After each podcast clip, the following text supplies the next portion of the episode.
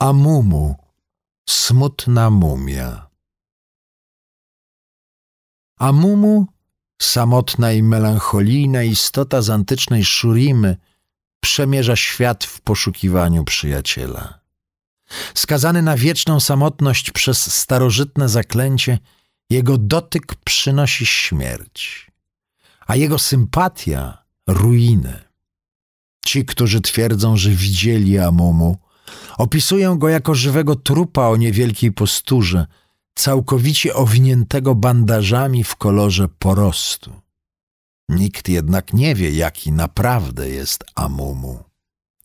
Prawda i fikcja przeplatają się ze sobą wśród przekazywanych z pokolenia na pokolenie mitów, bajań i legend zainspirowanych jego postacią. Hardy lud Szurimy zgadza się ze sobą w wielu kwestiach. Poranny wiatr zawsze wieje z zachodu. Pełny brzuch przy nowiu księżyca to zły omen. Zakopany skarb kryje się pod najtwardszym kamieniem. Nie zgadza się jednakże w kwestii historii Amumu. Powszechnie znana historia kojarzy Amumu z pierwszym wielkim rodem władców Szurimy, który dotknięty został chorobą niszczącą ciało w zastraszająco szybkim tempie. Najmłodsze dziecko Amumu poddano kwarantannie w jego komnatach, gdzie przez ścianę zaprzyjaźnił się z młodą służącą, która usłyszała jego niewyraźny płacz. W wolnych chwilach mówiła samotnemu księciu, co dzieje się na dworze i opowiadała mu o mistycznych mocach swojej babki. Któregoś dnia dziewczyna przyniosła Amumu wieść, że jego ostatni brat pożegnał się z życiem, co czyniło z niego imperatora Szurimy. Zmartwiona jego samotnością w tej smutnej i szczególnej chwili, otworzyła drzwi do jego komnat i wbiegła do środka, by ofiarować mu swoje towarzystwo. A Mumu rzucił jej się na szyję. Lecz natychmiast odskoczył, gdy zorientował się, że skazał ją tym na ten sam straszliwy los, który odebrał mu rodzinę. Wkrótce dziewczyna umarła, a jej babka, w której oczach młody imperator jawił się jako morderca jej ukochanej wnuczki, rzuciła na niego złośliwą klątwę. W jej wyniku Amumu został uwięziony w tej chwili cierpienia niczym owad w sidłach bursztynu. Druga historia także opowiada o księciu, lecz tym razem niezwykle próżnym, bezwzględnym i okrutnym. W tym przekazie Amumu został koronowany na imperatora Szurimy w bardzo młodym wieku. Był przekonany, że został pobłogosławiony przez słońce. Zmuszał więc poddanych do oddawania mu czci godnej Boga. Bezduszny imperator oddał się poszukiwaniom oka Angoru, starożytnego artefaktu ukrytego w złotej krypcie, które według legend dawało życie wieczne każdemu, kto spojrzał w nie bez strachu. Polował na skarb przez całe lata w otoczeniu tłumu niewolników, którzy nosili go przez labirynty katakumb i poświęcali swe życie, by uchronić imperatora przed śmiertelnymi pułapkami. W końcu Amumu dotarł do ogromnego korytarza o złotym sklepieniu, a dziesiątki kamieniarzy pracowało dzień i noc, by otworzyć zamknięte drzwi.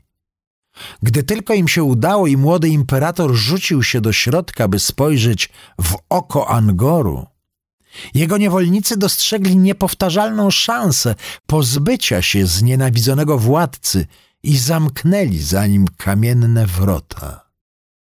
Powiadają, że Amumu trwał przez całe lata w nieprzeniknionych ciemnościach, aż samotność doprowadziła go do szaleństwa i sprawiła, że zdrapał z siebie całą skórę i zmuszony było winąć się bandażami. Nieśmiertelny dzięki mocy oka Amumu, skazany na smutne życie w samotności, podjął się medytacji i zrozumiał, jak wiele zła wyrządził. Kiedy potężne trzęsienie ziemi naruszyło fundamenty grobowca, imperator wydostał się ze swojego więzienia. Nieświadomy, ile czasu minęło, odkąd ostatni raz stąpał w świetle słońca, wyruszył w świat, by zadośćuczynić krzywdom, które wyrządził dawno temu. Według jeszcze innej opowieści Amumu był pierwszym i ostatnim władcą Szurimy, rasy Jordl, który wierzył w czystość i dobro ludzkiego serca. Wielu kpiło z jego naiwnej wiary. Aby udowodnić im, że się mylą, poprzysiągł żyć jako żebrak, aż nie pozna osoby, która stanie się jego prawdziwym przyjacielem. Był przekonany o tym, że wśród ludności Szurimy wielu znajdzie się takich, którzy pomogą rodakowi. Jednak mimo tysięcy ludzi przechodzących obok zaniedbanego Jordla, nikt się nie zatrzymał, by wyciągnąć do niego pomocną dłoń. Smutek Amumu rósł z każdym dniem, aż w końcu umarł z pękniętym sercem. Jednak jego śmierć to nie koniec tej historii. Podobno Jordl wciąż przemierza pustynię w poszukiwaniu kogoś, kto przywróci mu wiarę w ludzkie dobro. Te trzy jakże różne historie łączy kilka wspólnych cech.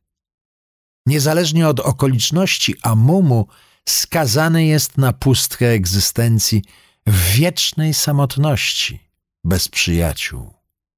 Pisane mu jest wieczne poszukiwanie towarzysza, lecz jego obecność jest przeklęta, a jego dotyk niesie śmierć. W długie zimowe wieczory można czasem usłyszeć wycie smutnej mumii, zawodzącej z rozpaczy nad nigdy niezaznaną przyjaźnią.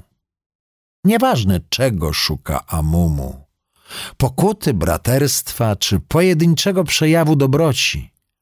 Jedna rzecz jest tak pewna jak to, że poranny wiatr wieje z zachodu. Jeszcze tego nie odnalazł. Azir, imperator pustyni. Azir był śmiertelnym imperatorem Shurim w dawnych czasach. Dumnym mężczyzną, który był blisko zyskania nieśmiertelności. Jego arogancka duma doprowadziła do tego, że został zdradzony i zamordowany w chwili swojego największego triumfu. Ale teraz, wiele tysiącleci później, odrodził się jako wyniesiona istota o potężnej mocy. Teraz, gdy jego zagrzebane miasto wyłoniło się z piasków, Azir pragnie przywrócić Szurimie dawną chwałę. Tysiące lat temu Szurima była rozległym imperium, które podporządkowało sobie wiele krain dzięki potężnym armiom prowadzonym przez niepokonanych wojowników zwanych wyniesionymi. Szurima, rządzona przez ambitnego i żądnego władzy imperatora, była najwspanialszą krainą w tamtych czasach. Żyzna ziemia błogosławiona mocą słońca, która lśniła z olbrzymiego złotego dysku unoszącego się na szczycie świątyni w sercu stolicy. Azirowi, najmłodszemu i najmniej lubianemu synowi imperatora, nie była pisana chwała. Ze względu na liczne rodzeństwo nie miał szans zostać imperatorem. Prawdopodobnie skończyłby jako kapłan lub zarządca jakiejś zapadłej prowincji. Był szczupłym, sumiennym chłopcem, który spędzał więcej czasu nad tekstami zgromadzonymi w wielkiej bibliotece Nasusa, niż trenując walkę pod okiem Renektona, bohatera wyniesionych. Pośród półek wypełnionych zwojami, księgami i tabliczkami Azir spotkał młodego niewolnika, który odwiedzał bibliotekę praktycznie codziennie w poszukiwaniu tekstów, których pragnął jego mistrz. Niewolnicy w Szurimie nie mogli posiadać imion, ale chłopcy się zaprzyjaźnili. I Azir złamał to prawo, nazywając drucha Kserat, co oznacza ten, który się dzieli. Wyznaczył kserata, chociaż zachowywał ostrożność, aby nie nazwać go publicznie, na swojego osobistego niewolnika. Od tej pory wspólnie poznawali historię Szurimy oraz jej wyniesionych bohaterów. Podczas corocznej wędrówki po imperium z ojcem, braćmi oraz Renektonem królewska karawana zatrzymała się na noc w znanej oazie. Azir i Kserat wymknęli się w nocy, aby rysować gwiazdy i wykonać własne gwiezdne mapy do tych, które oglądali w wielkiej bibliotece. Gdy rysowali konstelacje, zabójcy nasłani przez wrogów imperatora zaatakowali karawanę. Jeden z nich znalazł chłopców i zamierzał poderżnąć gardło Azirowi. Ale Kserat rzucił się agresorowi na plecy. Korzystając z zamieszania, Azir dobył sztyletu i wbił go w krtań napastnika. Azir zabrał miecz zabitego i ruszył pędem do oazy, ale gdy dotarli na miejsce, zabójcy zostali już pokonani. Renekton ochronił imperatora i zabił agresorów, ale wszyscy bracia jego pana zginęli. Azir opowiedział ojcu o odwadze Kserata i poprosił go, aby nagrodził chłopca, ale jego prośba nie znalazła uznania władcy. W oczach imperatora chłopiec był niewolnikiem i nie był godny jego uwagi. Azir przysiągł więc, że pewnego dnia on i Kserat staną się braćmi. Imperator powrócił do stolicy z piętnastoletnim Azirem jako swoim dziedzicem i rozpoczął bezlitosną kampanię wymierzoną w tych, których uważał za winnych nasłania zabójców. Paranoja i egzekucje całkowicie pochłonęły Szurimę na kolejne lata, gdy imperator mścił się na każdym, kogo podejrzewał o zdradę. Jako, że Azir stał się teraz następcą tronu, jego życie wciąż było zagrożone. Jednak ojciec nienawidził go i żałował, że to nie on umarł zamiast brać. Królowa była wciąż na tyle młoda, żeby urodzić synów. Azir zaczął trenować walkę. Atak na oazę uświadomił mu, jak mało wie o wojaczce. Nauki chłopca podjął się Renekton i pod jego surowym okiem Azir uczył się władania mieczem i włócznią, dowodzenia wojownikami i zawiłej sztuki prowadzenia wojny. Młody książę podniósł status kserata, jedynego zaufanego powiernika i mianował go swoją prawą ręką. Aby lepiej mu doradzał, Azir polecił Kseratowi poszukiwanie mądrości wszędzie, gdzie mógł ją zdobyć. Lata mijały, lecz królowej nigdy nie udało się powić kolejnego dziedzica. Każde poczęte dziecko umierało w jej łonie, zanim było gotowe przyjść na świat. Tak długo jak królowa roniła potomstwo, Azir mógł czuć się stosunkowo bezpiecznie. Na dworze imperatora pojawiły się sugestie, że nad królową ciąży klątwa. Niektórzy szeptali, że może być ona związana z osobą młodego następcy tronu. Azir zaprzeczał tym oskarżeniom, a nawet skazał na śmierć tych, którzy odważyli się wypowiedzieć je na głos. W końcu królowej udało się powić zdrowego syna. Jednak w dniu jego narodzin nad Szurimą rozpętała się straszliwa burza. Komnaty królowej opanował deszcz potężnych błyskawic, a w ich ogniu zginęła zarówno ona, jak i niemowlę.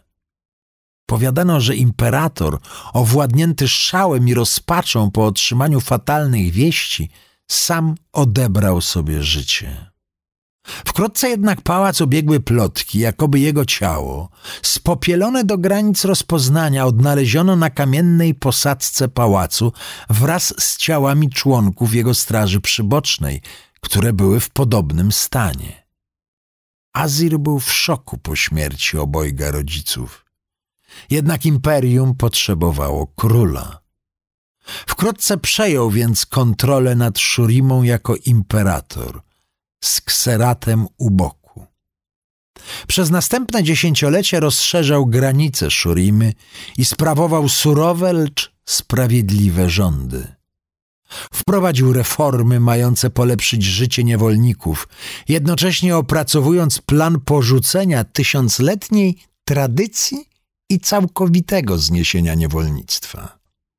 Swoje zamiary utrzymywał w tajemnicy nawet przed kseratem, przez co kwestia niewolnictwa stale była kością niezgody między nimi. Fundamentem imperium od zawsze było niewolnictwo – a bogactwo i potęga wielu spośród jego wielkich rodów wciąż opierały się na ciężkiej pracy zniewolonych sług. Proces przemiany tak utrwalonego porządku rzeczy nie mógł odbyć się w jedną noc. A gdyby plany Azira wyszły na jaw, nigdy nie udałoby mu się doprowadzić do ich realizacji. Mimo ogromnego pragnienia Azira, by uznać Kserata jako swojego brata, nie mógł tego zrobić, dopóki wszyscy niewolnicy Szurimy nie byli wolni. Przez te wszystkie lata Kserat chronił młodego imperatora przed jego politycznymi rywalami i przewodził rozszerzaniu granic imperium. Azir ożenił się i spłodził wiele dzieci, zarówno prawowitych potomków, jak i bękartów poczętych z nierozważnych romansów z niewolnicami i kobietami z haremu. Kserat natomiast stale podsycał wizję imperatora o imperium większym i wspanialszym od każdego, które kiedykolwiek powstało. Przekonał Azira, że aby zdobyć władanie nad całym światem, Władca musi stać się niezwyciężonym, Bogiem wśród ludzi, istotą wyniesioną.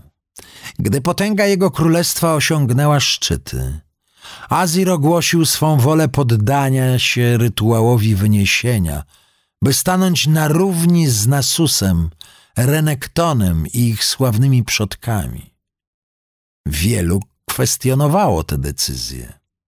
Rytuał wyniesienia był ogromnie niebezpieczny i przeznaczony jedynie dla tych, którzy znaleźli się u kresu swojego żywota. Tych, którzy poświęcili swe życie Szurimie i których ofiara miała zostać nagrodzona przez wyniesienie. Decyzja, na kogo spłynie łaska wyniesienia, leżała w gestii kapłanów słońca, nie zaś dumnego władcy przekonanego o swej nieomylności.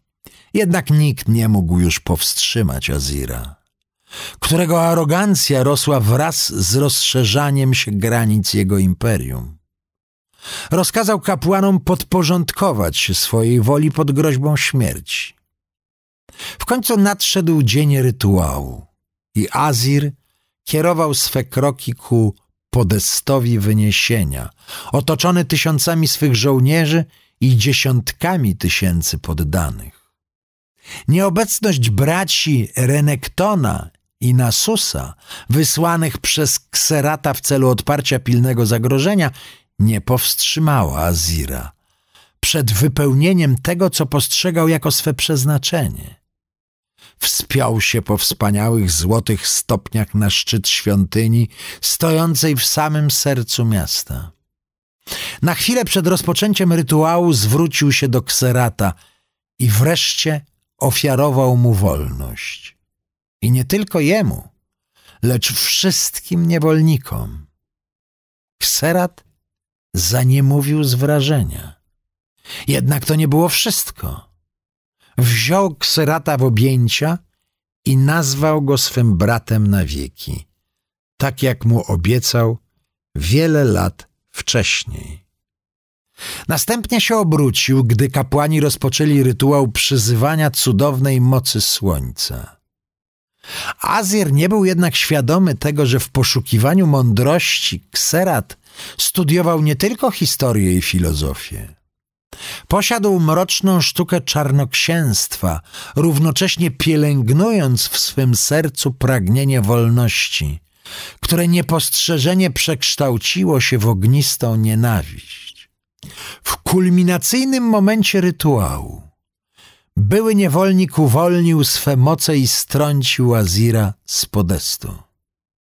Pozbawiony ochrony runicznego kręgu, Azir spalił się w ogniu słońca, podczas gdy Kserat zajął jego miejsce.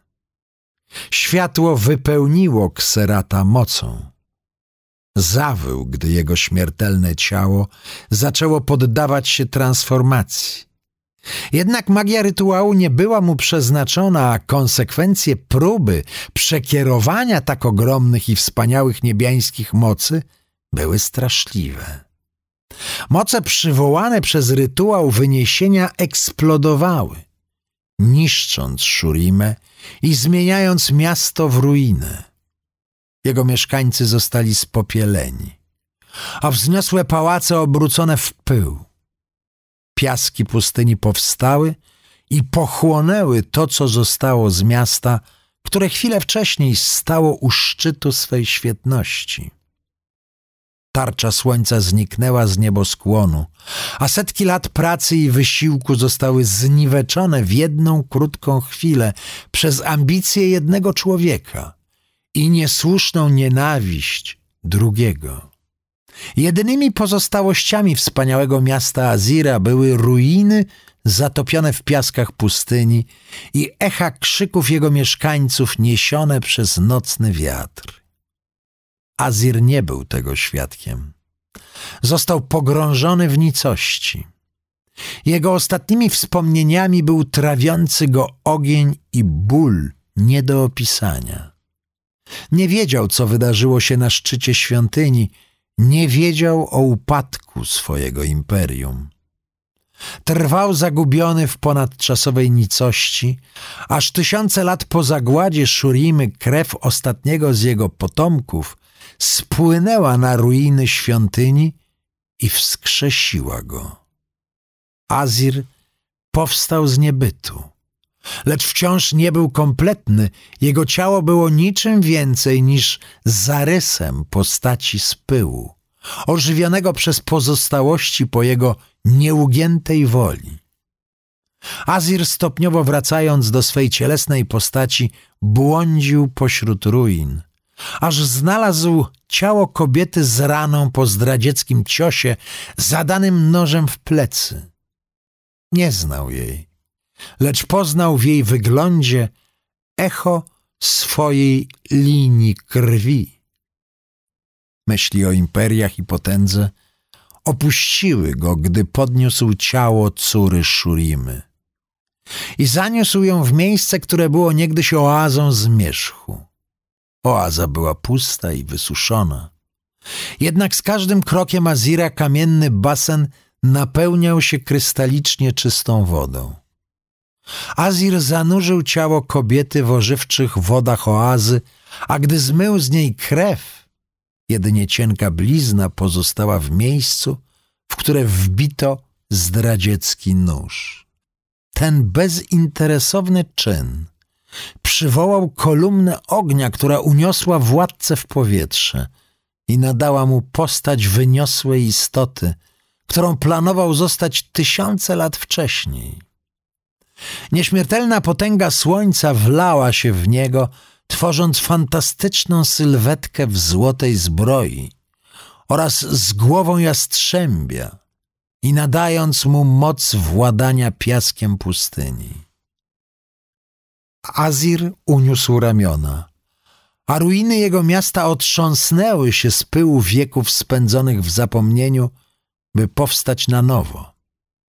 Tarcza słońca znów wypełniła opustoszałe niebo swą boską obecnością, a ożywcze wody popłynęły wśród świątyń wyłaniających się spod piasku na jeden gest imperatora. Azir wspiął się po schodach świątyni słońca i rozkazał wiatrom pustyni odtworzyć ostatnie chwile wyburzonego miasta. Duchy uformowane z piasku odegrały scenę sprzed wielu, wielu lat, a przerażonym oczom Azira ukazała się pełnia zdrady Kserata. Zaszlochał, gdy ujrzał morderstwo popełnione na swojej rodzinie, upadek imperium i kradzież własnej mocy. Dopiero teraz, o całe milenia za późno, nareszcie zrozumiał głębię nienawiści, którą żywił do niego ukochany przyjaciel i sojusznik. Dzięki potędze i mocy widzenia rzeczy odległych w czasie i przestrzeni, istoty wyniesionej, Azir wyczuł obecność Kserata gdzieś w oddali i przywołał armię piaskowych wojowników, by maszerowała u boku odrodzonego imperatora. Pod palącym słońcem pustyni Azir złożył wieczystą przysięgę. Odzyskam swe ziemię i zażądam zwrotu tego, co moje.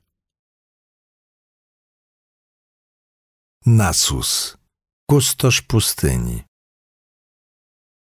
Błyskotliwość Nasusa została dostrzeżona jeszcze za młodu, na długo przed dniem jego wstąpienia w szeregi wyniesionych.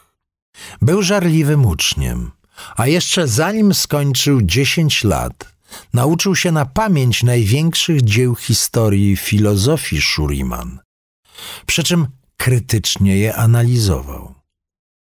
Tej pasji nie podzielał jednak jego młodszy brat, Renekton, który zazwyczaj szybko się nudził, a zamiast nauki wolał walczyć z innymi okolicznymi dziećmi.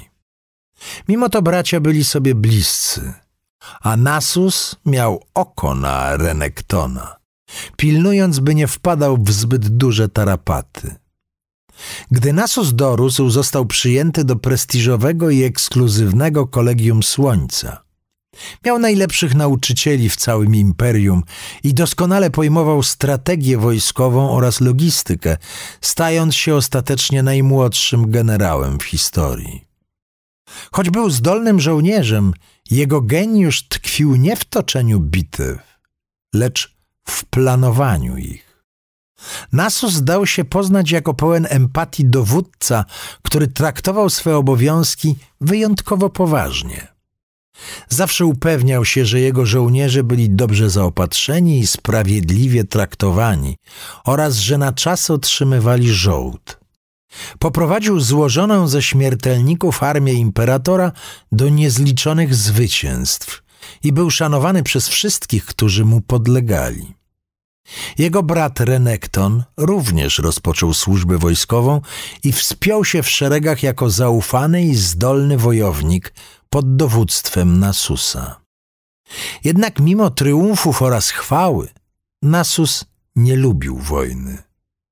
Rozumiał przynajmniej do czasu jej znaczenie w ciągłym rozwoju imperium, ale był głęboko przekonany, że jego największą zasługą dla Shuriman była wiedza, którą po każdym podboju mogli zgromadzić i zachować. Za jego namową wszystkie księgi, zwoje i pouczające pisma pokonanych przez nich kultur trafiały do bibliotek oraz zbiorów w całym imperium, by nieść mądrość i oświecenie przyszłym pokoleniom. Po dziesiątkach lat służby Nasus zapadł na straszliwą, wyniszczającą chorobę, a jego medyk oświadczył uroczyście, że generał umrze w ciągu tygodnia. Mieszkańcy Szurimy byli pogrążeni w żałobie, gdyż Nassus był ich najjaśniejszą, uwielbianą przez wszystkich gwiazdą. Sam imperator błagał Setakę z wyniesionych, aby czyny wielkiego człowieka zostały zważone przed słonecznym dyskiem. Po dniu i nocy wysłannicy Setaki potwierdzili, że Nasus zostanie dopuszczony do wyniesienia. Musiałby poddać się rytuałom od razu, mimo swego osłabienia. Renekton, teraz już pełnoprawny dowódca wojenny, pognał do domu, by być razem z bratem. Zszokowany odkrył, że ciało Nasusa marnieje, a jego kości są kruche niczym szkło. Nasus był tak słaby, że gdy złoty blask słonecznego dysku padł na platformę, nie miał siły wspiąć się po ostatnich stopniach ku jego światłu. Miłość Renektona do brata była jednak silniejsza od instynktu samozachowawczego. Dlatego nie wahał się ani chwili. Wniósł marnie protestującego Nasusa na platformę, gotowy na śmierć. Jednakże Renekton nie został zniszczony tak, jak się tego spodziewano. Kiedy światło zgasło, wyłonił się nie jeden, ale dwóch boskich wojowników. Obaj bracia nie tylko przeżyli, ale i rozkwitli. Nasus stał się potężnym awatarem mądrości i siły o głowie szakala, podczas gdy umięśniona sylwetka Renektona przypominała krokodyla. Nasus został obdarzony mocą wykraczającą daleko poza pojmowanie śmiertelników. Największym darem wyniesienia była niezliczona ilość żyć, które mógł spędzić na nauce i rozważaniach. Ale to również stało się jego największym przekleństwem. Zaczęła niepokoić go rosnąca brutalność, którą dostrzegał w Renektonie. Podczas oblężenia na Szramae, dzięki któremu miasto ostatecznie znalazło się pod panowaniem Szurimy, Nasus dowiedział się, że jego brat zrównał z ziemią wielką bibliotekę i zmasakrował wszystkich, którzy mu się sprzeciwili. Wtedy właśnie stojąc naprzeciw siebie pośród gruzów z bronią gotową do użycia, bracia byli bliżej dopuszczenia do rozlewu krwi niż kiedykolwiek wcześniej. Dopiero pod surowym, zawiedzionym spojrzeniem Nasusa rządza krwi Renektona osłabła, a on sam odwrócił się ze wstydem. Wojna z buntowniczym państwem Ikati zmieniła wielu wyniesionych. Doświadczane przez nich na przestrzeni lat okropności sprawiły, że stali się pustymi powłokami, które szybko wypełniały się gniewem. Nasus rozpoczął wieki samotnych badań, próbując zrozumieć, co stało się z jego nieśmiertelnymi braćmi i co może oznaczać to dla przyszłości. Kiedy wyniesienie imperatora Azira zakończyło się tragicznie, Nasus i Renekton byli daleko od stolicy. Wyruszyli w pośpiechu, ale spóźnili się. Pośród ciał niezliczonych martwych Shuriman walczyli z Kseratem, spaczoną, złowrogą istotą z czystej energii, która zdradziła Azira, ale nie byli w stanie go pokonać. Przepełniony gniewem i być może chcąc odpokutować za Nashra Mae, Renekton wepchnął Kserata do znajdującego się pod miastem grobowca imperatorów, nakazując Nasusowi zapieczętować ich w środku. Nasus odmówił, rozpaczliwie szukając innego sposobu, ale taki nie istniał. Z ciężkim sercem skazał Kserata i swego brata na wieczność w odmętach ciemności. Słoneczny dysk pozbawiony mocy przez czary Kserata runął, a każdy z pozostałych boskich wojowników odczuł jego stratę w swoim nieśmiertelnym sercu. Niebiańskie wody wypływające z miejskiej oazy wyschły, sprowadzając na całą Szurimę klęskę głodu i śmierci. Przez pewien czas inni wyniesieni próbowali utrzymać rozbite imperium we wspólnocie, zanim ich niezliczone rywalizacje doprowadziły do walk między sobą. Nasus odchodząc w cień nosił ciężkie brzemię winy. Chodził po pustych ruinach, które powoli pochłaniała pustynia i ubolewał nad wszystkim, co przepadło. Minęły stulecia, a Nasus zapomniał o swym dawnym życiu i jego pierwotnym celu.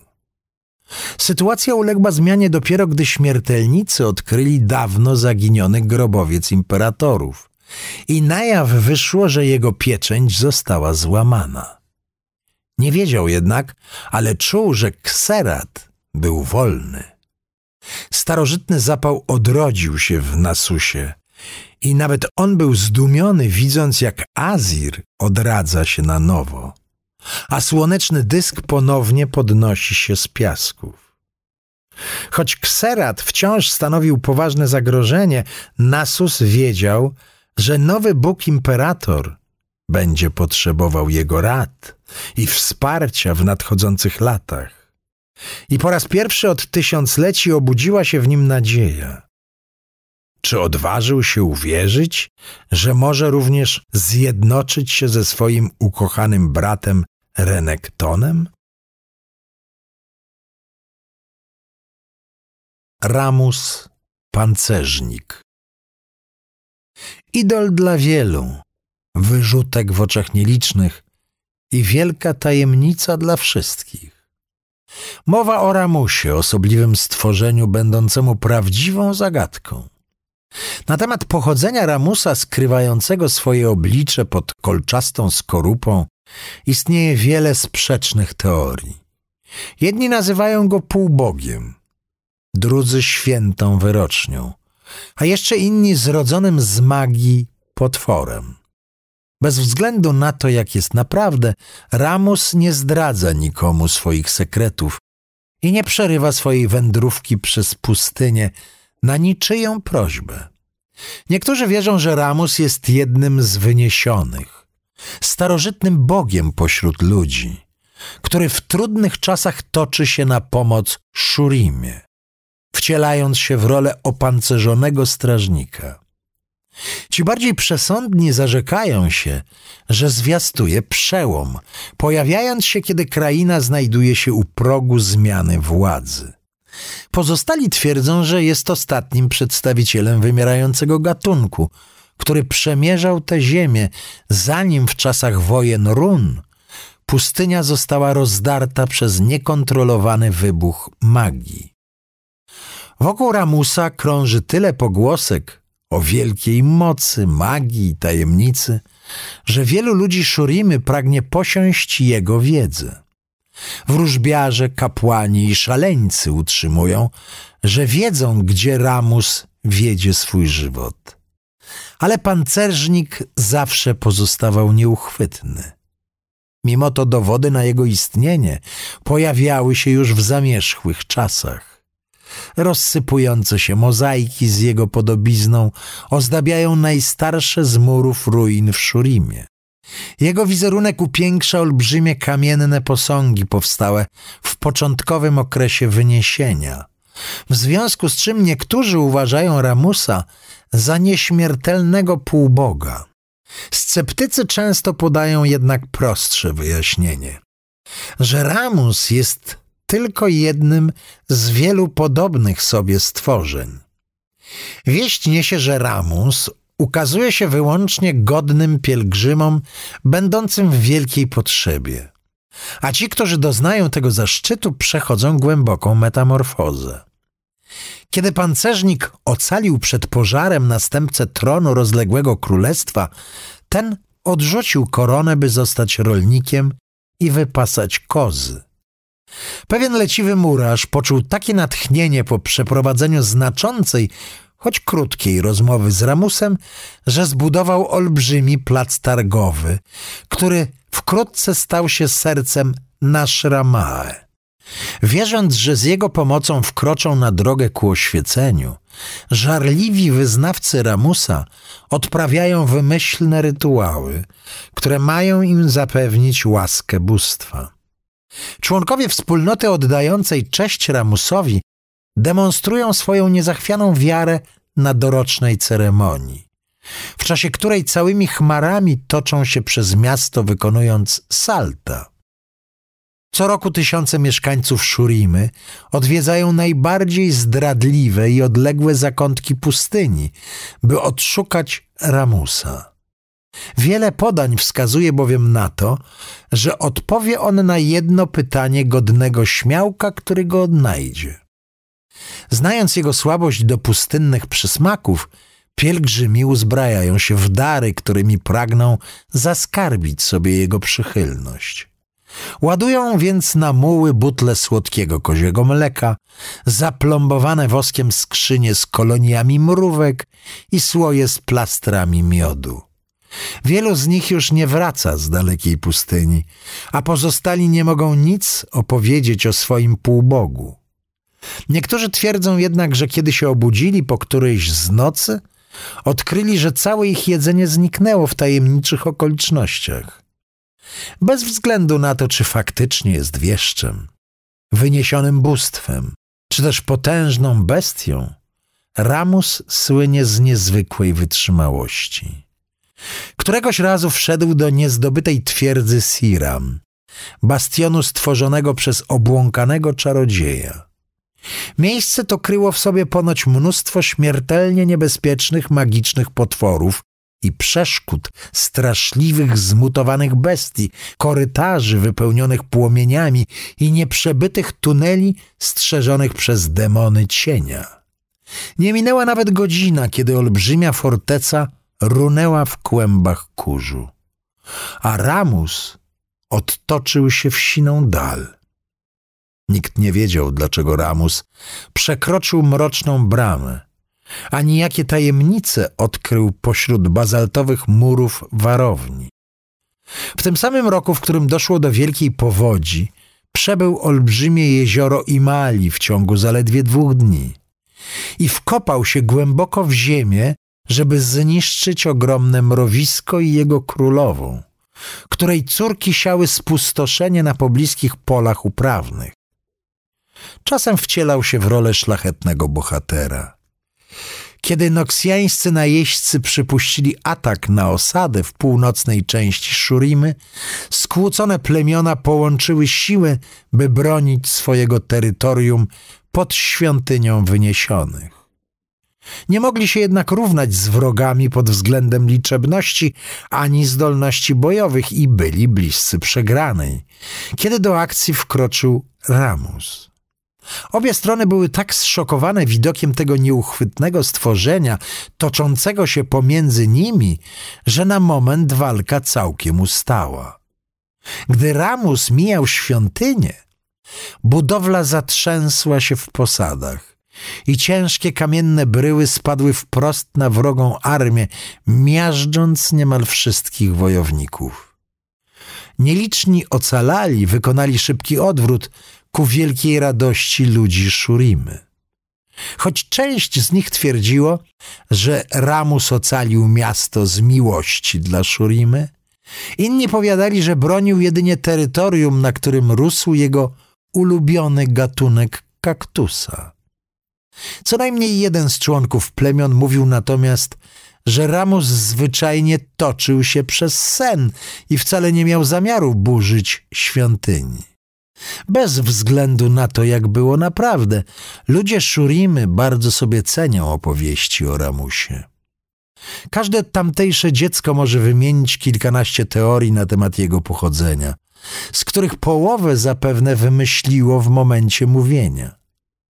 Wraz z rozkwitem przedwiecznej Szurimy, a także tuż przed jej upadkiem, pojawiło się jeszcze więcej historii o pancerzniku, w związku z czym wielu uwierzyło, że jego pojawienie się poprzedza mroczniejsze czasy. Ale jak taka dobrotliwa istota, korzystająca z najprostszych przyjemności życia, mogłaby zwiastować nadejście wieku zniszczenia? Renekton, pustynny rzeźnik. Renekton urodził się, by walczyć. Od najmłodszych lat było widać, że nie ma w nim strachu, kiedy to regularnie wdawał się w bójki z dużo starszymi dziećmi. Zwykle czynnikiem prowadzącym do tych starć była duma, jako że nie potrafił się on wycofać ani puścić płazem żadnej obelgi. Podczas gdy jego starszy brat Nasus nie pochwalał tych ulicznych bujek, Renekton uwielbiał je. Nasus koniec końców wyjechał, by dołączyć do prestiżowego Kolegium Słońca. A potyczki Renektona stały się coraz poważniejsze i groźniejsze. Nasus, lękając się, że gwałtowna natura jego brata w końcu zaprowadzi go do więzienia albo grobu, pomógł mu zaciągnąć się do armii Szurimy. Oficjalnie Renekton był za młody, ale Nasus zadbał o to, by nikt nie zwrócił na to uwagi. Dyscyplina życia wojskowego okazała się dla niego błogosławieństwem. Renekton walczył w licznych podbojach, by rozszerzyć imperium. Jego dzikość i twardość nadal były widoczne, ale to honor i odwaga stały się powszechnie znane. Nasus, teraz sławny generał i taktyk, często powtarzał, że zaplanował wiele wspaniałych bitew. Ale to Renekton je wygrywał. I tak właśnie było. Po ocaleniu odosobnionego miasta Zuretta, sam imperator mianował Renektona generałem. Od tego momentu nazywano go także strażnikiem Szurimy. Choć na każdego żołnierza Szurimy przypadało wtedy dziesięciu wrogów, Renekton i jego niewielki oddział stawili czoła agresorom w odległych skalistych przełęczach na południu, by zdobyć trochę czasu i umożliwić przeprowadzenie ewakuacji miasta.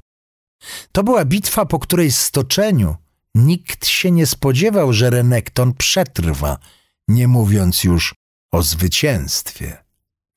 Jednak wytrzymał na tyle długo, aby przybyła odsiecz pod wodzą Nasusa, a siły najeźdźców zostały rozgromione. Przez dziesięciolecia służby reputacja Renektona dorównywała nawet boskim wojownikom z armii wyniesionych. A jego obecność na polu bitwy inspirowała walczących u jego boku i przerażała przeciwników.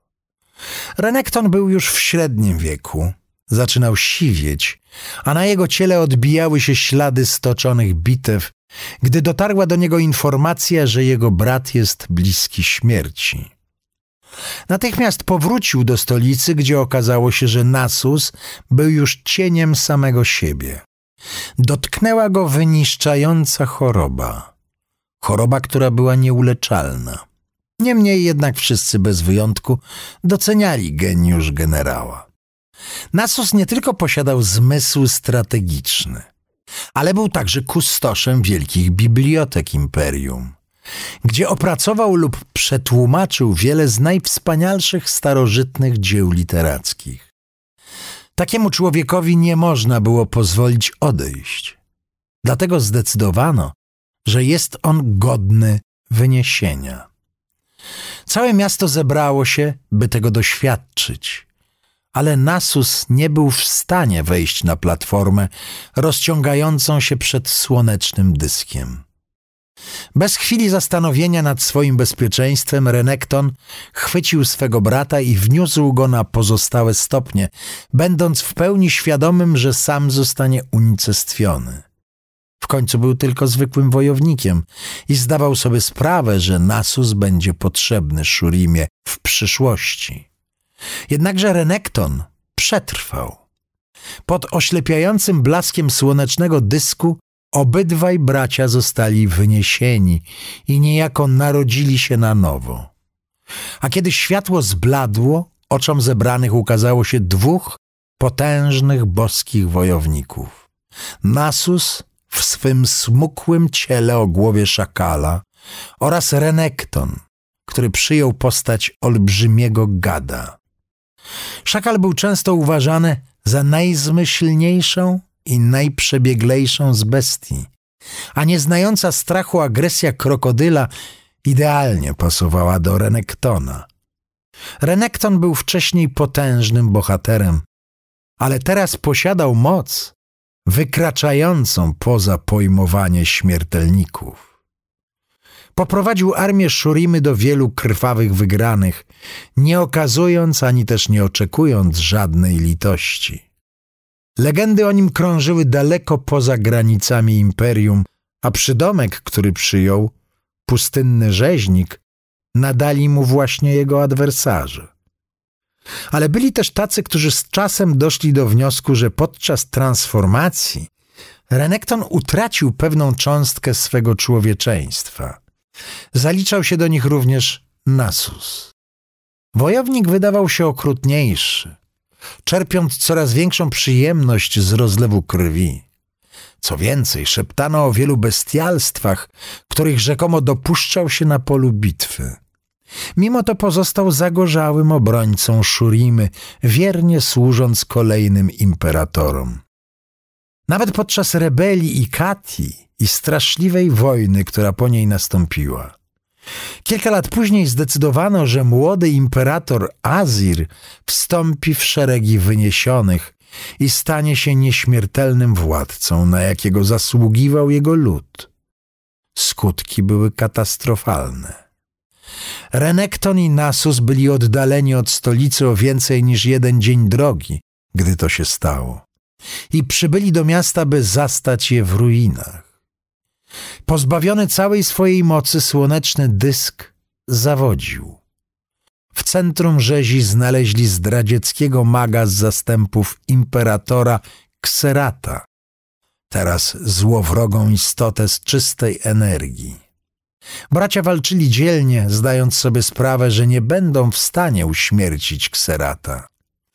Renekton koniec końców pochwycił go i wciągnął do znajdującego się pod miastem grobowca imperatorów, rozkazując bratu zapieczętować ich w środku. Wiedząc, że nie ma innego sposobu, Nasus niechętnie posłuchał swego brata. Kserat i Renekton kontynuowali swoją walkę. Walczyli przez niezliczone wieki. Szukali siebie nawzajem w ciemnej otchłani, a w świecie ponad nimi, z niegdyś wspaniałej cywilizacji Szurimy, pozostał tylko proch i pył. Kserat drwił z Renektona, szepcząc truciznę do jego ucha. A wypowiadane przez zdrajcę jadowite słowa zaczęły nabierać mocy. Przekonał Renektona, że Nasus, zazdrosny o jego sukces, skorzystał z okazji, by się go pozbyć i samemu cieszyć się nieśmiertelnością. Kawałek po kawałku zdrowy rozsądek Renektona pękał. Kserat umiejętnie dolewał oliwy do ognia, wypaczając to, co wojownik uważał za prawdziwe i to, co było dla niego urojone. Gdy grobowiec imperatorów został w końcu otwarty przez chciwych śmiertelników, Renekton wydał z siebie pełen furii ryk i z hukiem wyruszył na pustynię, starając się wywęszyć w powietrzu zapach swego brata. Jednak Shurima bardzo się zmieniła pod jego nieobecność.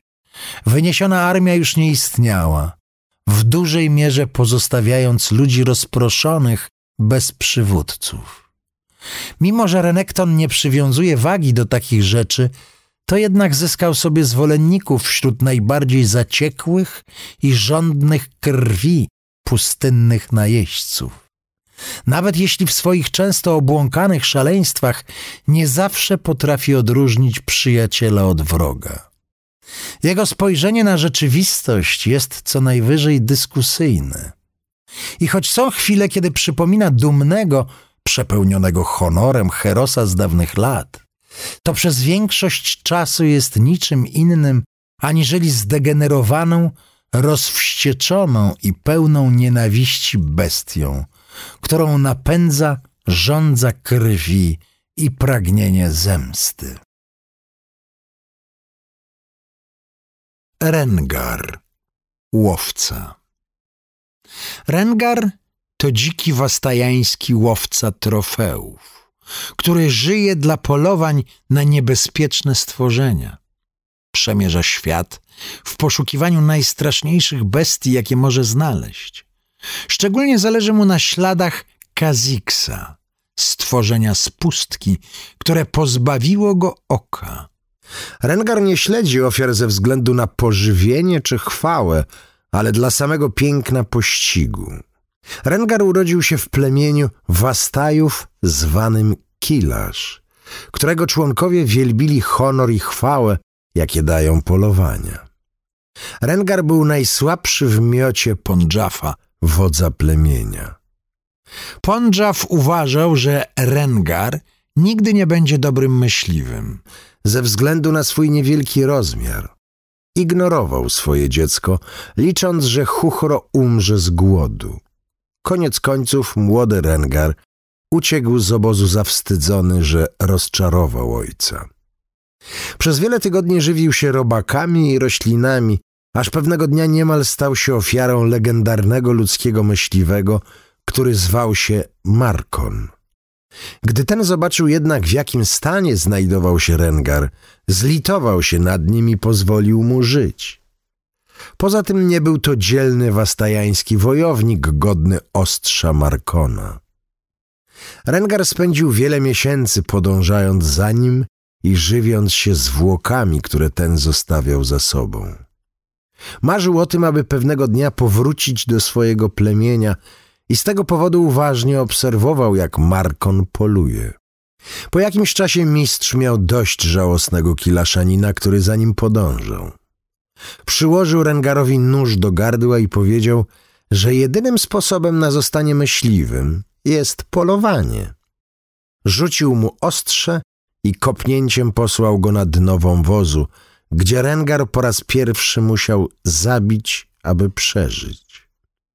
Od tego momentu Rengar przez lata zmuszał się do nadludzkiego wysiłku. Przemierzał Szurimę w poszukiwaniu najsilniejszej i najgroźniejszej zwierzyny. Mimo, że nigdy nie byłby tak duży jak inni kilaszanie, z determinacją starał się wydobyć z siebie więcej dzikości. Wraz z upływem czasu, zamiast powracać do obozu z coraz to nowszymi bliznami, zaczął przynosić trofea. Wypolerował czaszkę piaskowego jastrzębia na blask. Wpludł zęby wrzaskuna w swoje włosy.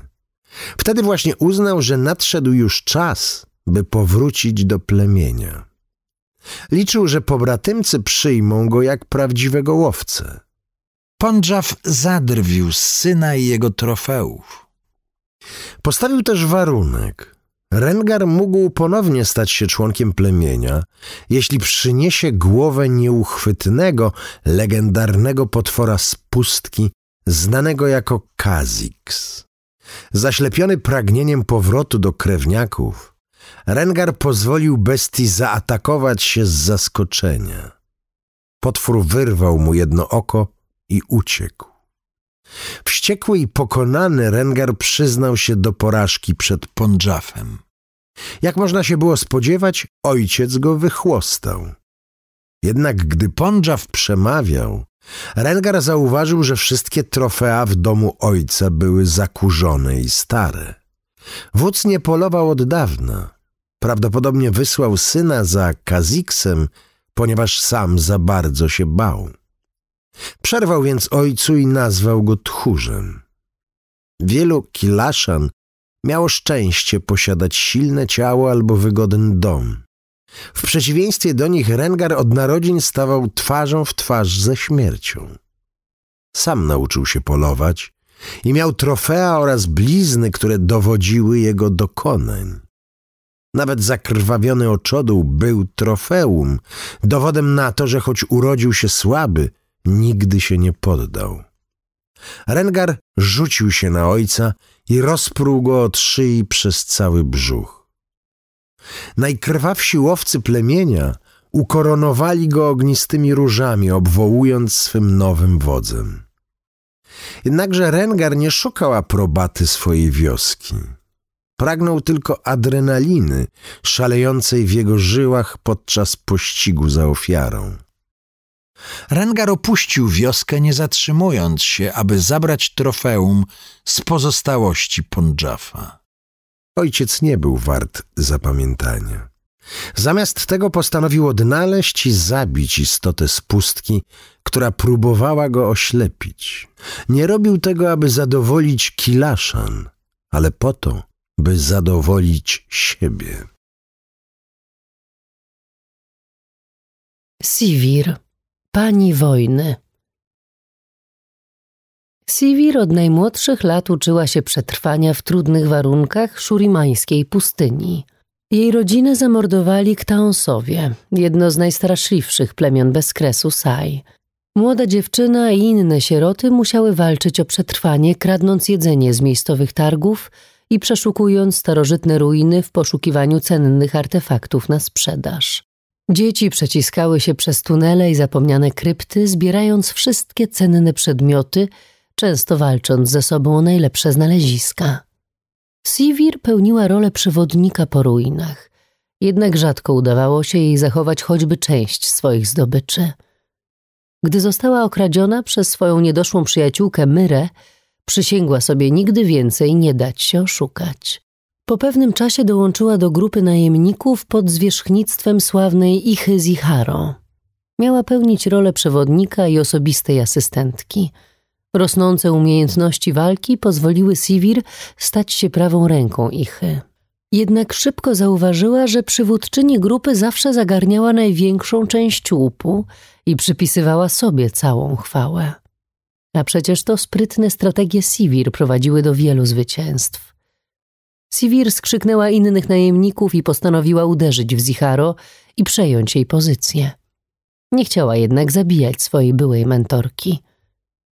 Zostawiła ją samą na pustyni i życzyła jej szczęścia. Przez lata swych działań Sivir jej najemnicy stali się prawdziwym postrachem. Przyjmowali każde dobrze płatne zlecenie.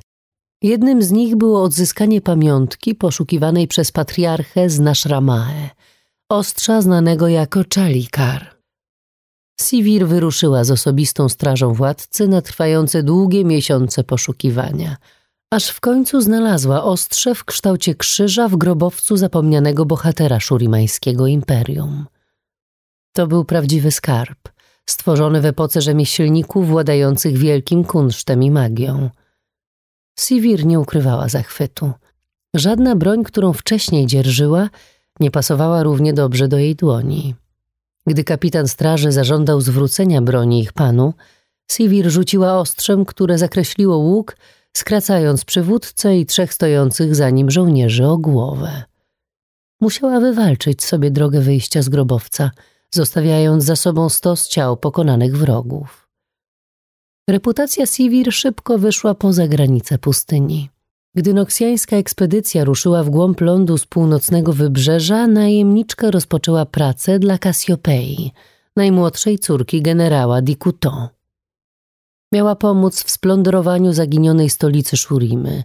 Gdy oddział zagłębił się w kręte lochy, wielu najemników Sivir zginęło za sprawą starożytnych pułapek. Kasiopeja nie dawała jednak za wygraną. Gdy poszukiwacze dotarli wreszcie do otoczonego reliefami i kamiennymi posągami strażników wejścia do grobowca, Sivir poczuła, jak przyspiesza jej tętno.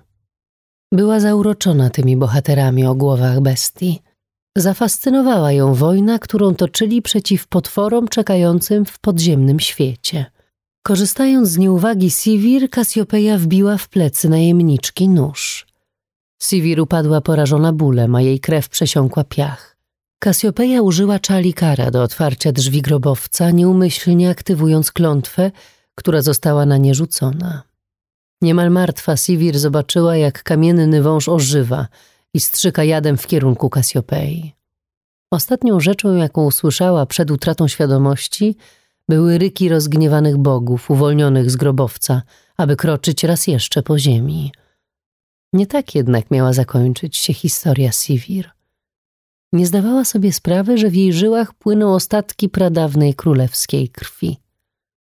Obudziła się w towarzystwie samego Azira, ostatniego władcy imperium, któremu odmówiono rytuału wyniesienia, przez to stał się tylko legendą. Jej krew rozbudziła jego ducha po niemal trzech tysiącach lat, kończąc rytuał i napełniając go niebiańską mocą boskiego imperatora – tam, w oazie świtu, użył uzdrawiających wód ze świętego źródła, aby odczynić śmiertelną ranę Sivir. Słyszała historię o Azirze i jego przepowiadanym powrocie, ale zawsze uważała, że tylko głupcy wierzą w takie bajki. A jednak ujrzała go na własne oczy. Ziemia rozstąpiła się, a w powietrze wystrzeliły kłęby kurzu – Starożytne miasto Shurima powstało ze swojego grobowca, zwieńczone złotym dyskiem, który zabłysnął jasnymi promieniami słońca. Przerażona Sivir uciekła z czalikarem na plecach. Chociaż niczego nie pragnęła tak jak powrotu do dawnego życia, znalazła się w samym sercu walki o władzę, której żaden śmiertelnik nie był w stanie pojąć. W mieście Wekaura spotkała kolejną wyniesioną istotę oswobodzonego maga Kserata, który chciał zakończyć istnienie rodu Azira raz na zawsze. Jednak z pomocą uczonego Nasusa i młodej tkaczki skał o imieniu Talia, Sivir zdołała raz jeszcze przetrwać. Teraz przyszedł czas na wybranie własnej ścieżki. Sivir mogła poddać się przeznaczeniu lub ukuć własną przyszłość pośród ruchomych piasków Szurimy. Skarner, kryształowy strażnik. Na długo przed urośnięciem w siłę wielkiego imperium Szurimy, odległe doliny na północnym zachodzie stanowiły schronienie dla pradawnej rasy znanej jako Brakernowie. Te szlachetne stworzenia w niczym nie przypominały innych istot tego świata. Chociaż jako jednostki mogły zdawać się prymitywne i agresywne, ich pajęcze ciała skrywały niesamowity sekret. Przechowywały pradawną świadomość, być może jedną z najstarszych w całej runterze. Każdy z brakernów skrywał w swym ciele magiczny kryształ, który przechowywał ich wspomnienia, nadzieje i pragnienia, a także wszystko inne, co kształtowało ich osobowość. Gdy ciało umierało, rdzeń kryształu był z wielką czcią chowany w najdalszych zakątkach dolin. Tam kryształy miały oczekiwać na młodszych brakernów, którzy przejęliby całe dziedzictwo swych przodków. Dzięki nieustającej harmonii pieśni kryształów, brakernowie niemalże osiągnęli nieśmiertelność. Ten, którego później nazwano Skarner, usłyszał wołanie swojego kryształu dobiegające głęboko spod ziemi. Dniami i nocami drążył misterne tunele ciągnące się pod powierzchnią doliny, aż wreszcie jego szpony trafiły na kryształ większy od wszystkich, jakie widział wcześniej. Jego powierzchnia była spękana i pozbawiona blasku – jednak słabe światło pulsowało w odpowiedzi na jego obecność, a pieśń kryształu całkowicie go owładnęła. Gdy Skarner wyszedł na powierzchnię, kryształ połączył się z jego ciałem, pozwalając mu dołączyć do świadomości niezliczonych innych umysłów. Czuł otaczającą go magiczną moc materialnego świata – Głęboka więź z wszelakim istnieniem rozbrzmiewała kojącymi wibracjami w jego świadomości. Śmiertelne istoty znały dobrze brakernów i bardzo ich szanowały. Jednak ich głęboki respekt podszyty był lękiem. Czasem zostawiały ofiary przy wejściu do doliny, którą w swoich niedoskonałych językach nazywały kryształową szramą. Z czasem jednak ich uwaga zaczęła przenosić się na konflikty i podboje. Brakernowie postanowili zahibernować się i przeczekać zagrożenie. Nawet gdyby śmiertelne rasy wyrżnęły się nawzajem, byłaby to ledwie pojedyncza, melancholijna nuta w nieprzerwanej pieśni kryształów. Tak oto rozpoczął się sen Brakernów. Nagle, niespodziewanie, pieśń przerodziła się w krzyk. Skarner został wyrwany ze snu. Schronieniem brakernów wstrząsały eksplozje. Ziemia stała się spękana i wyjałowiona, jednak śmiertelne stworzenia przetrwały. Przybyły uzbrojone w ogień i metal, schodząc pod powierzchnię, aby wykraść żyjące kryształy z ciał jego gatunku. Skarner w szale wyskoczył z piaskowych odmętów. Zabił wielu złodziei, a reszta uciekła w popłochu. Skarner próbował uratować swych pobratymców, jednak ci, których kryształy zostały uszkodzone, zginęli na moment po przebudzeniu. Inni zaś w ogóle nie mogli się obudzić. Rany w zbiorowej świadomości okazały się zbyt głębokie. Pogrążony w żałobie, Skarner przemierzał doliny. Był przekonany, że nawet jeśli magia kryształów przetrwała, wkrótce zgaśnie w rękach śmiertelników. Gdy słońce wyłoniło się z za horyzontu wiele tygodni później, Skarner usłyszał niepewne echa wołania w zakamarkach swego umysłu. Nie były to wspaniałe harmonie, do których przywykł wcześniej a przerażony lament, brzmiący jak błaganie o pomoc. Wahał się przez chwilę. Jeśli poszedłby szukać zaginionych pobratymców, ci zakopani w piasku byliby bezbronni. Jednak gdy krzyki ucichły, zrozumiał, że nie ma innego wyboru. Wyruszył na położoną na wschodzie pustynię. Chociaż jego poszukiwania odbywają się w samotności, czasem słyszy zagubioną pieśń kryształów, która jednak zaraz potem cichnie. To uczucie, które przynosi zarówno ukojenie, jak i smutek. Skarner stara się przekuć je w determinację, wiedząc, że liczy się tylko przetrwanie brakernów. Talia, tkaczka skał. Talia to wędrowna czarodziejka z Szurimy, która tka skały z pełnym energii entuzjazmem i niespotykaną determinacją. Rozdarta pomiędzy młodzieńczym zachwytem a dorosłą odpowiedzialnością, przemierzyła prawie cały Valoran podczas podróży, której celem była nauka panowania nad jej rosnącymi mocami. Usłyszawszy plotkę o powrocie do życia dawno zmarłego imperatora, przybywa, by bronić swojego plemienia przed niebezpieczeństwami odkrytymi pod wiecznie zmieniającymi się piaskami Szurimy. Niektórzy odczytali jej łagodne serce jako oznakę słabości i gorzko zapłacili za ten błąd. Pod młodzieńczą postawą Talii kryje się wola mogąca przenosić góry i duch tak niezłomny, że aż ziemia drży pod jej stopami. Talia urodziła się na pogórzu graniczącym z Ikatią, w wędrownym plemieniu tkaczy. Mimo iż większość ludzi z zewnątrz uważa Szurimę za jałowo-piaskowe pustkowie, rodzice wychowali Talię na prawdziwą córę pustyni. Pokazali jej piękno tkwiące w bogatej palecie barw pustyni. Talię zawsze fascynowały pokłady kamienia znajdujące się pod wydmami. Gdy była małym dzieckiem, zaczęła zbierać kolorowe kamienie, gdy jej lud zgodnie z cyklem pór roku szukał miejsc, w których była woda. W miarę upływu lat Talia spostrzegła, że żywioł ziemi zdaje się do niej lgnąć. Piasek, po którym przechodziła, wił się i mienił kształtami.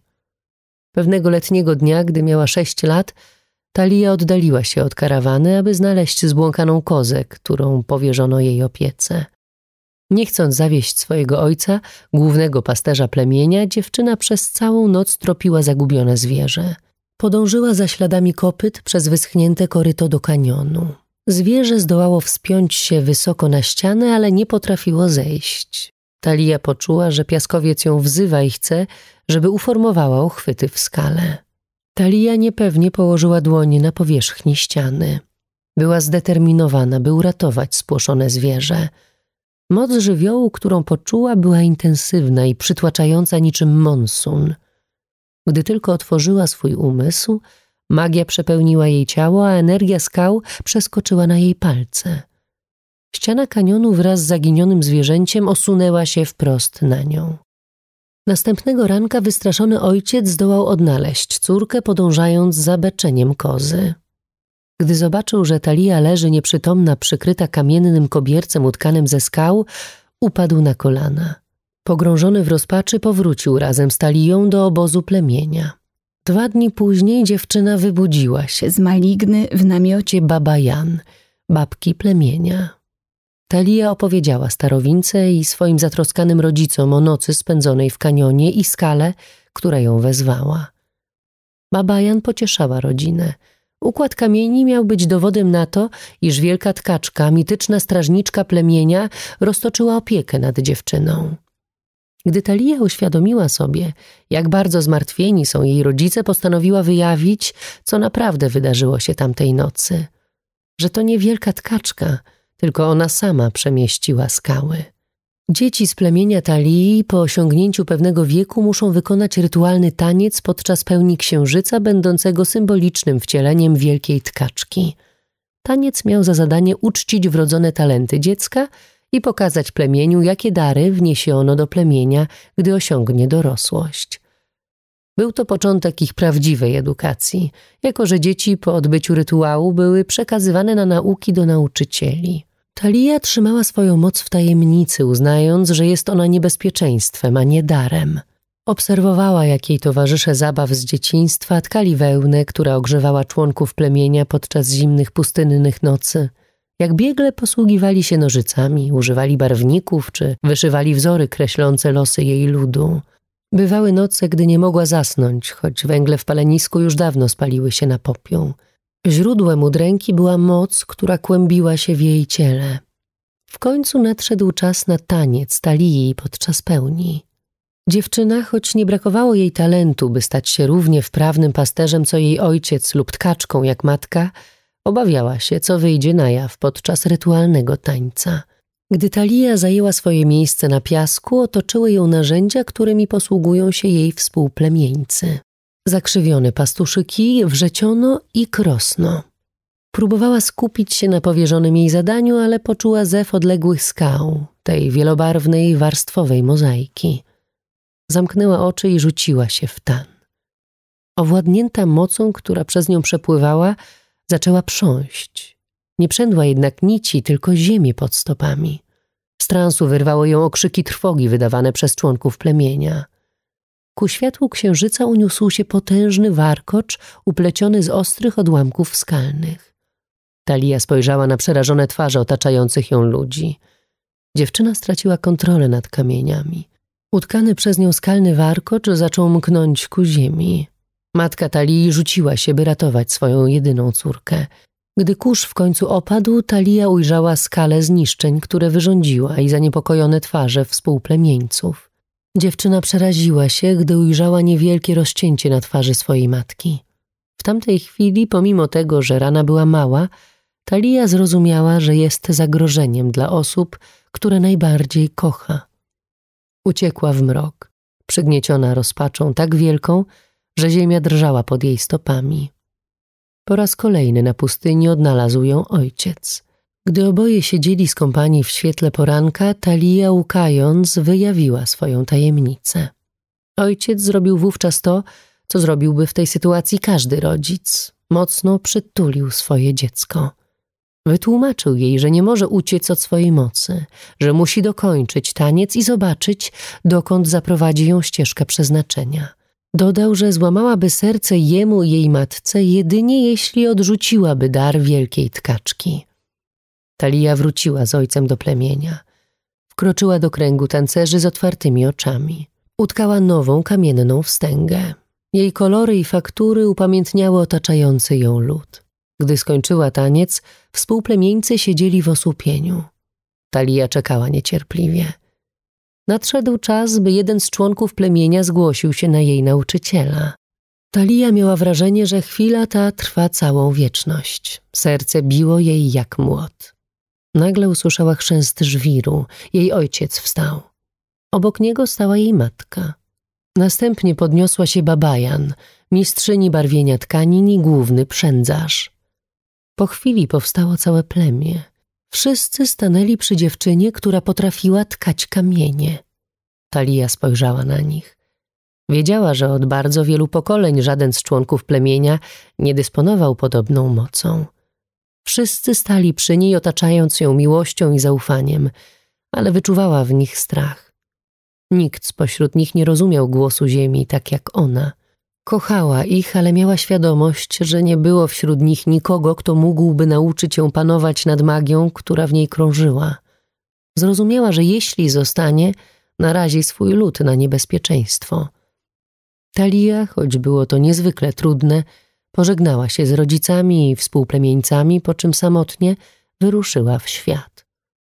Skierowała się na zachód, ku odległemu szczytowi Targon – jej wrodzona więź ze skałami wiodła ją ku górze, która sięgała gwiazd. Gdy dotarła na północny kraniec Szurimy, spotkała ludzi maszerujących pod sztandarem Noksusu, którzy od razu poznali się na jej mocy. W Noksusie magię, która płynie w talii, otacza się szacunkiem, a nawet nabożną czcią. Obiecali, że znajdą jej nauczyciela. Dziewczyny wychowano w duchu ufności – nie potrafiła przejrzeć pięknych obietnic składanych przez wyrachowanych noksjańskich notabli. Niedługo później znalazła się na drodze bez odwrotu.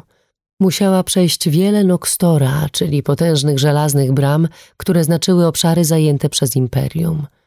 Dziewczyna wychowana na otwartej pustyni czuła się przytłoczona tłumami ludzi i zawiłościami polityki, w którą uwikłana była stolica. Talia została publicznie wyniesiona na szczyty noksjańskiej społeczności magów. Wiele osób zainteresowało się jej mocą i drzemiącym w niej potencjale. ale zaufanie dziewczyny zdobył pewien zdegradowany kapitan, który obiecał, że zaprowadzi ją do miejsca znajdującego się gdzieś w głuszy za morzem, by mogła tam bez strachu doskonalić umiejętności. Przystała na propozycję młodego oficera i pożeglowała przez morze ku Jonii. Jednakże gdy tylko statek spuścił kotwicę, dziewczynie uświadomiono, że stanie się narzędziem zbrodni w rękach człowieka, który za wszelką cenę chce odzyskać swoją pozycję w noksjańskiej marynarce. O świcie kapitan postawił ją przed wyborem.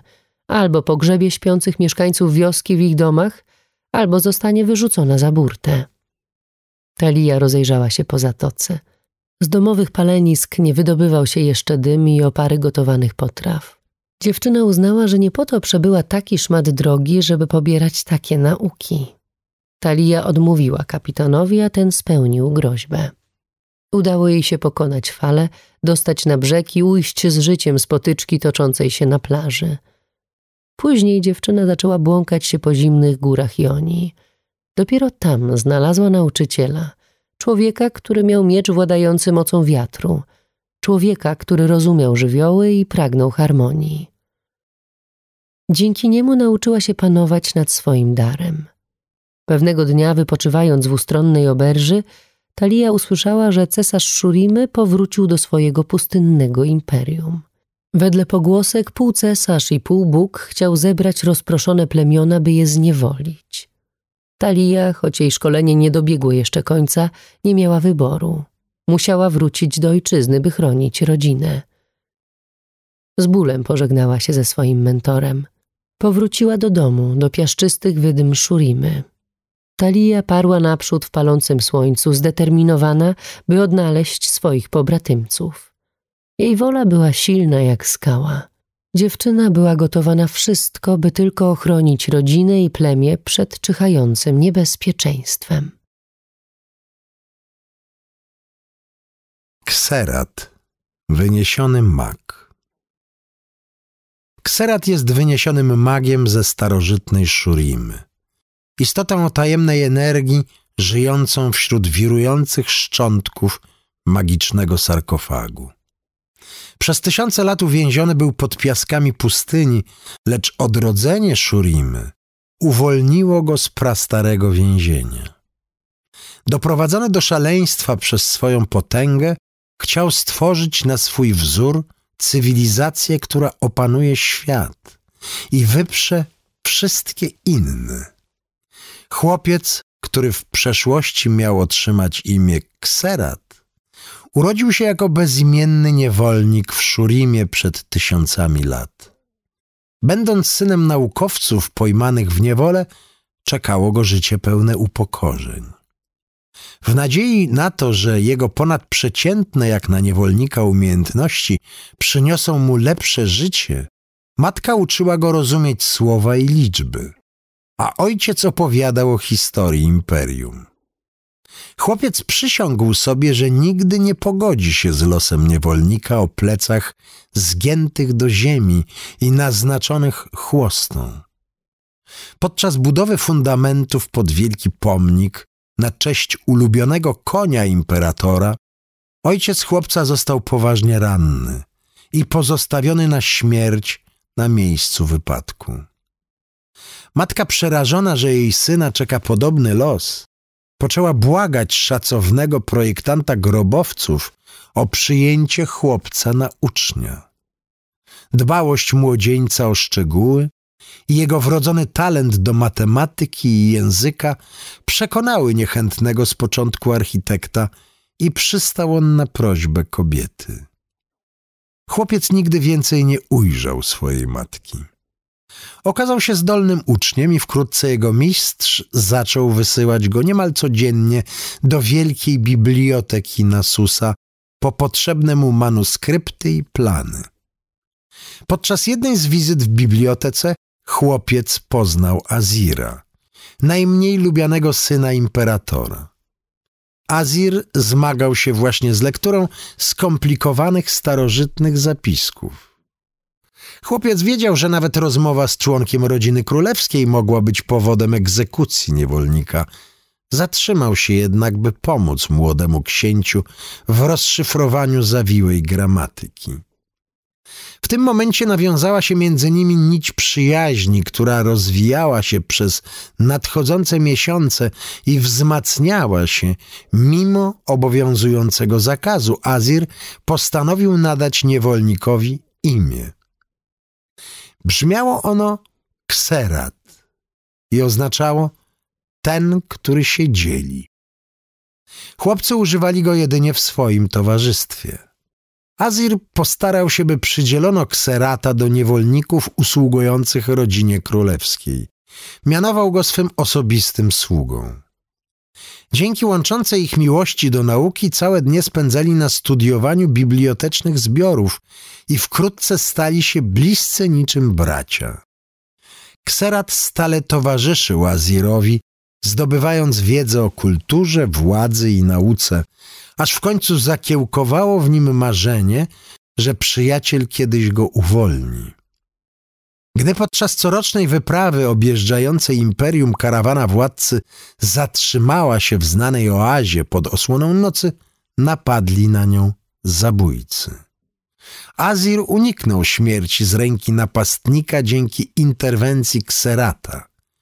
Jednak wszyscy jego bracia, książęta, zostali zabici, co uczyniło z niego następcę tronu. Jako niewolnik Kserat nie mógł oczekiwać nagrody za uratowanie księcia. Azir obiecał mu jednak, że któregoś dnia staną się równymi sobie braćmi. W następstwie wydarzeń na pustyni przez długie lata Shurima znosiła gniew imperatora, który mścił się na każdym, kogo w najmniejszym nawet stopniu podejrzewał o zdradę. Kserat poznał historię Szurimy i zwyczaje panujące na jej dworze wystarczająco dobrze, by wiedzieć, że życie Azira zawisło na włosku. Fakt, że był następcą tronu, nic nie znaczył wobec nienawiści imperatora za to, że pozostał przy życiu, gdy jego bracia zginęli. Bezpośrednim zagrożeniem był fakt, że wciąż młoda żona imperatora nadal mogła wydać na świat potomstwo, a do tej pory powiła wiele zdrowych dzieci. Istniała duża szansa, że urodzi imperatorowi syna i tym samym pozwoli mu na pozbycie się Azira.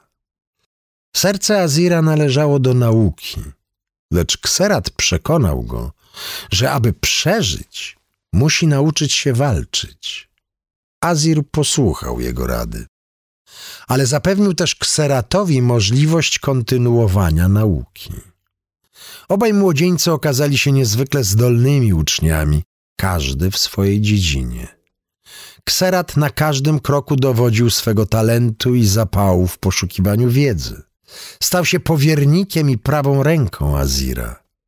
Miał pozycję nieosiągalną jak dotąd dla niewolnika.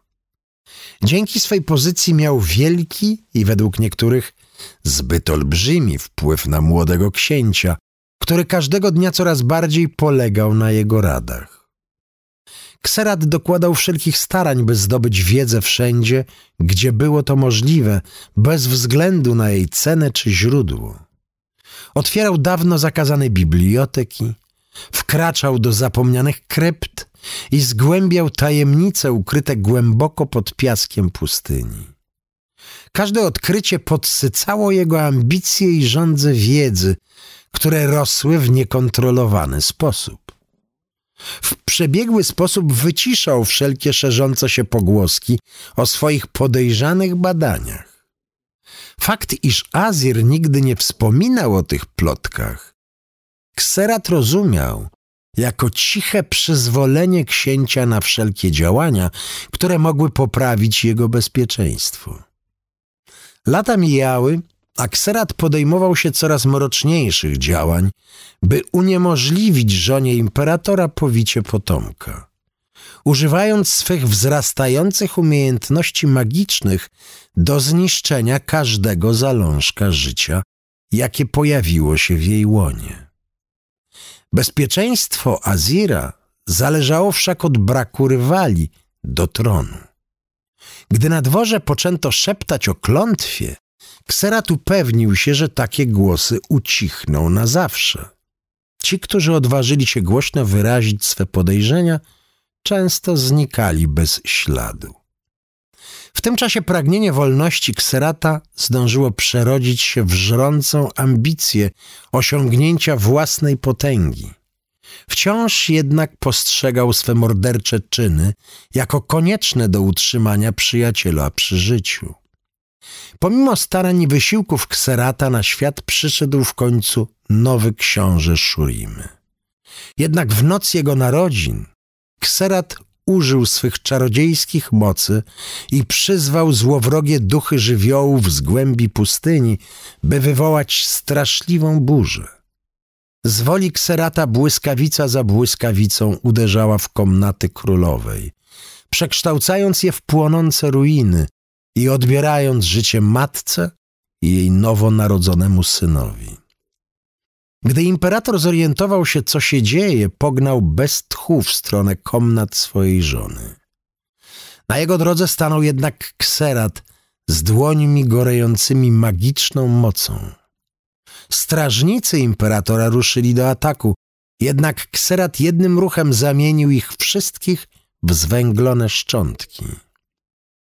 Winę za atak na pałac kserat obarczył magów z podbitej krainy, a pierwszym czynem Azira po objęciu tronu była brutalna kampania zemsty na jej ludności. Azir został koronowany na imperatora Szurimy z kseratem u swego boku. Chłopcem, który był niegdyś niewolnikiem bez prawa do własnego imienia. Kserat długo marzył o tej chwili. Oczekiwał, że w dniu koronacji Azir zniesie niewolnictwo i nareszcie nazwie go swoim bratem. Nic takiego się jednak nie wydarzyło. Azir kontynuował ekspansję swojego imperium i unikał odpowiedzi na pytania Kserata o zniesienie niewolnictwa. Kserat uznał to za dowód na postępujący rozkład moralny Szurimy. Ogarnęła go wściekłość z powodu złamania obietnicy danej mu przez księcia. Azir zgromił go wzrokiem i przypomniał mu, że niewolnik powinien znać swoje miejsce. W tym momencie w sercu Kserata zgasła iskra szlachetności i dobroci. Ukorzył się jednak przed Azirem, zachowując pozory, iż akceptuje jego decyzję. Azir kontynuował swe podboje, a Kserat pozostał u jego boku lecz każde swoje działanie starannie planował, by zwiększać własne wpływy w krainie, którą chciał sam objąć w posiadanie. Kradzież imperium to nie igraszka. I Kserat wiedział, że potrzebuje do tego większej mocy. Słynna legenda wyniesienia Renektona ujawniła, że śmiertelnik nie musi być wybrańcem kapłanów słońca i każdy może powstać pod tą gwiazdą. Kserat zaczął więc obmyślać plan, jak ukraść moc wyniesienia. Żaden niewolnik nie może stanąć na płycie słońca. Kserat karmił więc próżność imperatora, rozdmuchując jego ego i wypełniając myśli nieprawdopodobnymi wizjami imperium obejmującego cały świat. To marzenie mogło jednak zostać zrealizowane jedynie w przypadku wyniesienia Azira na wzór największych bohaterów Szurimy. Wytrwałość Kserata się opłaciła. Po pewnym czasie Azir ogłosił gotowość przejścia rytuału wyniesienia, pewien, że zasłużyłby stanąć u boku Renektona i Nasusa jako istota wyniesiona. Kapłani Słońca zaprotestowali, jednak w przypływie arogancji Azir rozkazał im podporządkować się swej woli pod groźbą tortur i śmierci. W końcu nadszedł dzień rytuału i Azir skierował swe kroki ku podestowi wyniesienia, mając kserata u boku. Aby upewnić się, że Nasus i Renekton nie będą mogli wziąć udziału w wydarzeniu, Kserat osłabił pieczęć magicznego sarkofagu, stanowiącego więzienie dla ognistej bestii. Renekton i Nasus byli jedynymi wojownikami zdolnymi powstrzymać i pokonać bestię, gdy oswobodzi się ze swego magicznego więzienia. W ten sposób Kserat pozbawił Azira obecności jedynych istot, które mogłyby uratować go przed nadchodzącą katastrofą. Azir stanął na rytualnym podejście. Tuż przed rozpoczęciem ceremonii wydarzyło się coś, czego Kserat się nie spodziewał. Imperator zwrócił się do niego i oświadczył, iż od tej chwili jest wolnym człowiekiem. Oni wszyscy niewolnicy Szurimy mieli zostać uwolnieni z więzów poddaństwa. Azir wziął Kserata w objęcia i nazwał go swym bratem na wieki. Były niewolnik oniemiał z wrażenia. Nareszcie otrzymał to, o czym zawsze marzył. Sukces jego planu opierał się jednak na śmierci Azira i nic nie mogło tego zmienić. Zbyt skrupulatnie przygotowywał ten moment i zbyt wiele już poświęcił, by teraz zrezygnować, nieważne jak bardzo część jego serca tego pragnęła. Słowa imperatora przebiły się przez gorycz, która zawładnęła jego duszą. Stało się to jednak o dziesięciolecia za późno. Azir, nieświadomy niebezpieczeństwa, obrócił się, gdy kapłani rozpoczęli rytuał przyzywania cudownej mocy słońca. Z okrzykiem gniewu i żalu Kserat strącił władcę z podestu, obserwując przez łzy, jak przyjaciel z dzieciństwa zamienia się w popiół. Następnie wstąpił na jego miejsce i światło słońca wypełniło go, rozpoczynając przemianę jego ciała w istotę wyniesioną. Jednak moc rytuału nie była mu przeznaczona, a konsekwencje jego zdrady okazały się straszliwe. Rozszalała moc słońca eksplodowała, burząc świątynię i zmieniając miasto w dymiące zgliszcza. Lud Szurimy spłonął w straszliwym ogniu słońca, a pustynia powstała, by pochłonąć ruiny miasta. Tarcza słońca zniknęła z nieboskłonu, a imperium budowane przez całe pokolenia władców zgasło w przeciągu jednego dnia. Podczas zagłady miasta Kserat trzymał kapłanów słońca w szponach swojej magii, uniemożliwiając im przerwanie rytuału. Niezmierzony ogrom przepływającej przez niego energii połączył się z jego mrocznymi mocami, by stworzyć istotę o niewiarygodnej potędze. Jego ciało wypełnione nieprzerwaną falą mocy słońca zostało pochłonięte i stworzone na nowo w postaci rozjarzonego wiru czystej magii. Gdy Renekton i Nasus odkryli zdradę Kserata, szybko skierowali się w stronę epicentrum magicznej burzy niszczącej miasto. Sprowadzili ze sobą magiczny sarkofag, który stanowił więzienie dla ducha wiecznego ognia. Wyniesieni bracia zdołali przebić się przez szalejące żywioły do podestu wyniesienia, w chwili, w której kserat opadł z powrotem na ziemię. Zanim nowo wyniesiony mag zdążył zareagować, zamknęli go w magicznym sarkofagu. Związali świętymi łańcuchami i zapieczętowali potężnymi pieczęciami uwięzienia. Jednak to nie wystarczyło. Już jako śmiertelnik Kserat posiadał wielką moc, która teraz w połączeniu z darem wyniesienia uczyniła go praktycznie niepokonanym. Roztrzaskał sarkofag, lecz jego odłamki i łańcuchy pozostały nadal przytwierdzone magicznie do niego. Renekton i Nasus rzucili się na Kserata, jednak nowa siła pozwoliła mu na odparcie ich ataków – a walka utknęła w martwym punkcie. Toczyli bój w otoczeniu walącego się miasta, a w szale bitewnym roztrzaskali wszystko, czego jeszcze nie pochłonęły piaski pustyni.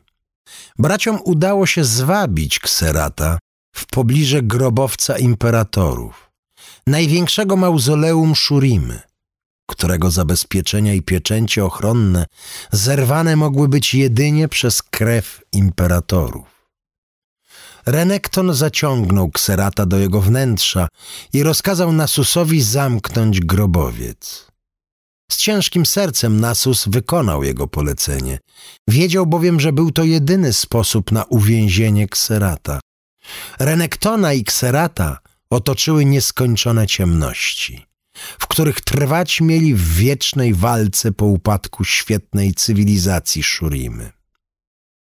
Mijały niezliczone setki lat, a z czasem nawet ogromna siła Renektona wyczerpała się, pozostawiając go podatnym na wpływy kserata.